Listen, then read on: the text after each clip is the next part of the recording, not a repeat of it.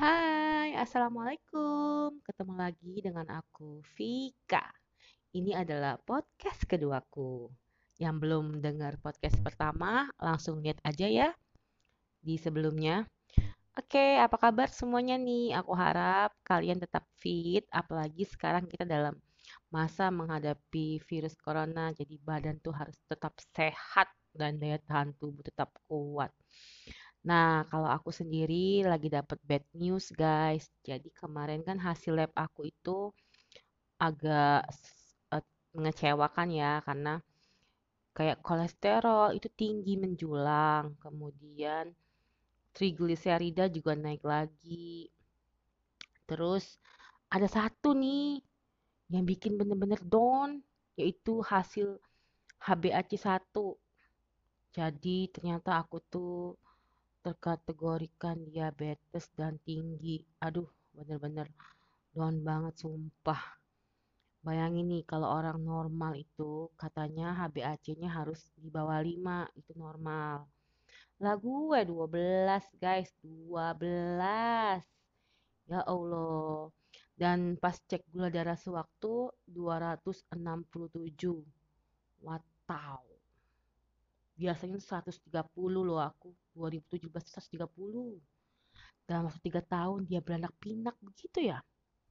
Ya udahlah, jadi waktu awal-awal itu ditanyain dokternya pola makannya seperti apa, kemudian kebiasaan makannya apa, olahraga enggak, orang tuanya penyakitnya apa. Ternyata aku itu faktor resikonya tinggi banget. Makanya bisa kena begini. Bayangin ya, kedua orang tua itu ayahku itu hipertensi, ibuku itu diabetes aku dapat dua-duanya. Keren banget ya kalau harta warisan dapat dua-duanya mah enak. Ini genetik penyakit loh. Aku ambil dua-duanya. Masya Allah.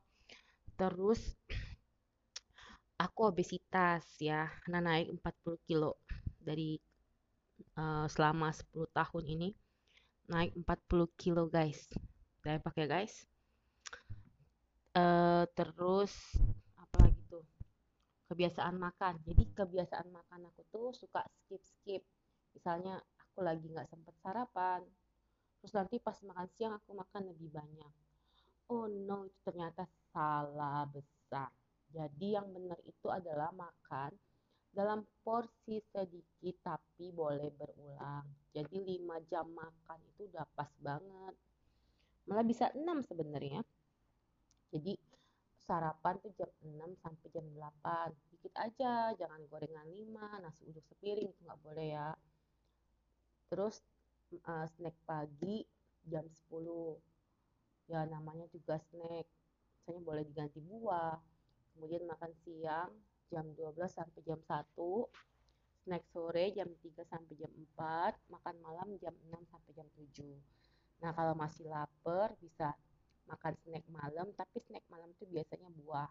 Jadi ada 6 jam makan dan porsinya harus sedikit. Tuh asli bener-bener kaget.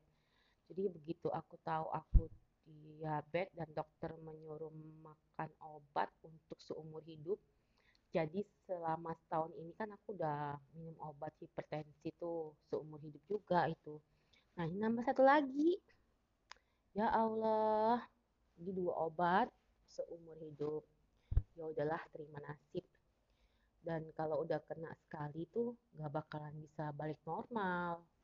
Tapi setidaknya memperpanjang angka harapan hidup dan mencegah komplikasi yang lain. Jadi mencegah komplikasi ke ginjal, ke mata, ke saraf dan macam-macam.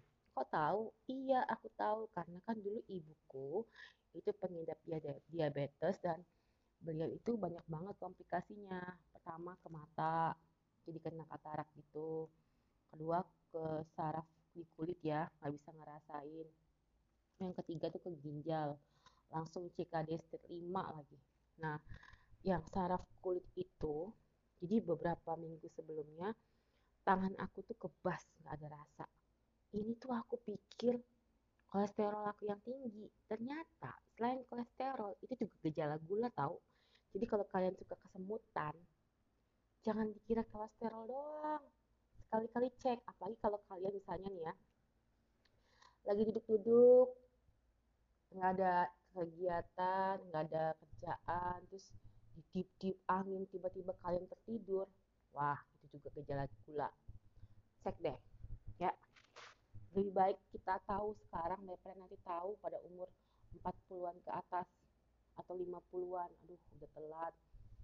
Itu harus pakai insulin. Kalau aku masih bisa pakai obat dengan harapan pankreasku masih bisa diajak kerjasama masih bisa dipancing untuk membuat insulin. Walaupun mungkin nanti tidak terlalu optimal karena itu mengatur pola makan sangat perlu sekali. Selain pola makan juga uh, aktivitas fisik aku harus berolah, berolahraga itu minimal ya seminggu tiga kali sejam. Tapi karena aku baru bisanya jalan kaki jadi aku buat seminggu tujuh kali setiap hari aku jogging ngelilingin komplek rumah sambil ngeliatin rumah orang.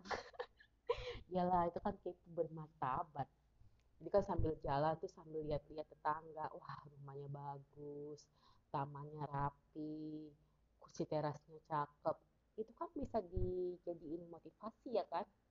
Bisa dimodifikasi juga. Wah ntar rumah gue mau gue giniin deh kayak gitu. Ah yang ngomong apaan sih? Oke okay. balik lagi ke diabetes tadi. Ternyata selain pola makan yang suka di skip makan buah-buahan itu juga nggak bisa banyak kayak buah anggur, mangga, nanas, melon, semangka yang uh, satu lagi nih ya pepaya yang kadar gulanya tinggi itu nggak boleh makan sekali banyak. Kayak anggur itu cuma boleh 7 butir sehari itu pun nggak boleh dibarengin dengan buah-buahan lain. Tapi kalau ditambah apel nggak apa-apa. Karena kayak apel, pir, kemudian bengkuang, mentimun. Nah pisang ya itu buah-buahan yang cukup aman karena bukan buah yang terlalu manis.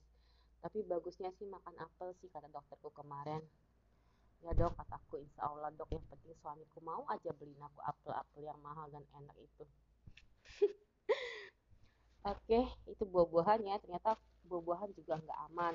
Yang paling aman itu adalah konsumsi sayuran. Sedangkan untuk e, karbohidratnya sendiri itu boleh tetap dimakan tapi diganti dengan yang indeks glikemiknya cukup rendah atau sedang seperti gandum, oatmeal, uh, nasi merah, ubi jalar. Jadi kayak kentang, nasi putih, roti putih, tepung terigu itu stop dulu. Satu lagi ya, selain um, makanan yang manis, makanan berlemak itu juga nggak bagus karena pankreas juga nanti jadi sulit membentuk insulin. Nah, makanya kayak goreng-gorengan, kemudian kulit ayam, paru. Ya ampun, itu mah yang aku suka semua. Lemak-lemak daging, tetelan, bakso. Itu dihindari dulu. Jadi lebih aman makan daging ayam tanpa kulit. Daging sapi boleh kata dokternya tapi tanpa lemak ya.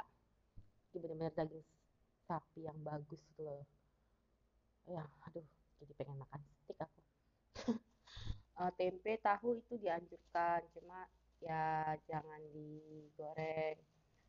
Kemudian gula putih gula pasir gula aren gula apa itu namanya itu? Gula jawa. Itu juga sebaiknya di skip dulu. Nah aku kebetulan tanya sama dokternya. Kan aku orang Palembang gitu ya. Dok kalau makan PMP boleh nggak? Boleh tapi cukanya sebaiknya di skip dulu. Karena kan mengandung gula jawa. Terus makan PMP-nya juga taraf normal kayak cuman 4 biji. Boleh lah kali ya bukan 4 biji kapas selam ya. Kapas selam. Satu biji aja cukup. Nah, cukanya itu diganti, misalnya pakai gula Jawa yang khusus untuk pasien diabetes yang kadar gulanya rendah gitu.